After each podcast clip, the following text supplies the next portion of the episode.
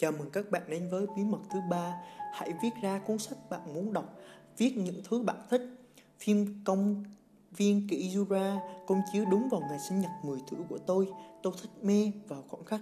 Rời khỏi rạp phim tôi đã mong phần tiếp theo lắm rồi. Thế là ngày hôm sau, tôi ngồi ngay vào cái máy tính cũ mềm và gõ ra một kịch bản theo cách của tôi.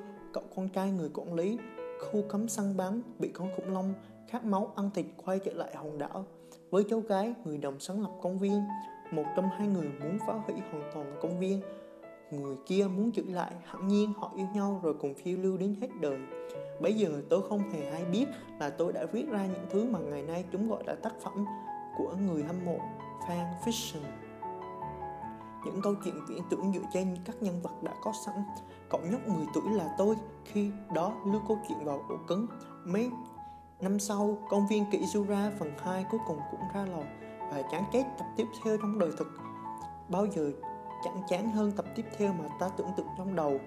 Một câu hỏi mà lúc nào đó mọi cây bút trẻ đều băn khoăn ấy là mình nên viết gì đây và đáp án chuẩn mực sẽ là viết cái gì anh biết ấy. Lời khuyên này thường dẫn tới một câu chuyện tệ hại. Chẳng có gì hay ho xảy ra. Mong muốn của tôi là khi sáng tác, nhạc và tạo ra thứ gì đó chưa từng tồn tại mà tôi được nghe. Tôi muốn được nghe những thứ âm nhạc chưa từng xuất hiện bằng việc kết hợp những thứ gợi ra trong điều gì đó mới mẻ, chưa bao giờ có mặt trên đời. Brian Eno. Ta là nghệ thuật bởi ta yêu nghệ thuật, ta bị thu hút vào một số kiểu tác phẩm nào ấy thì ta được truyền cảm hứng từ những người làm ra chúng mọi tiểu thuyết. Thật ra đều là tác phẩm do người hâm mộ sáng tác. Lời khuyên hay nhất là đừng có viết ra thứ bạn biết, hãy viết thứ bạn thích. Viết ra câu chuyện bạn thích nhất, viết câu chuyện bạn muốn được đọc. Nguyên tắc tương tự cũng áp dụng cho cuộc đời và sự nghiệp của bạn.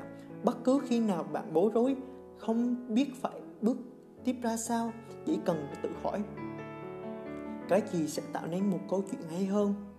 Bradford Cox, một thành viên ban nhạc Deep Hunter, kể rằng hồi anh còn nhỏ tí đã làm gì có Internet?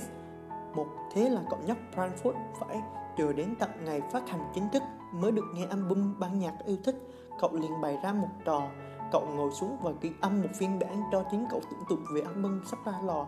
Rồi đến khi album phát hành cậu sẽ so sánh những bài cậu tự viết và những ca khúc trong album thật và bạn biết không, rất nhiều ca khúc ấy đã trở thành bài hát của Deep Hunter.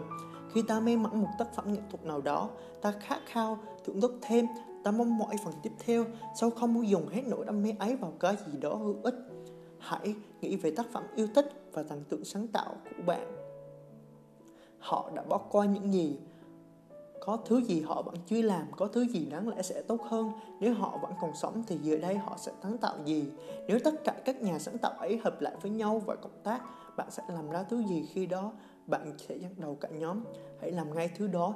Tuyên ngôn là đây. Hãy vẽ ra tác phẩm bạn muốn chiêm ngưỡng, sáng lập doanh nghiệp bạn muốn điều hành, chơi thứ nhạc bạn muốn nghe được nghe, viết một cuốn sách bạn muốn đọc, làm những sản phẩm bạn muốn dùng. Hãy làm những công việc bạn muốn được thấy nó hoàn thành.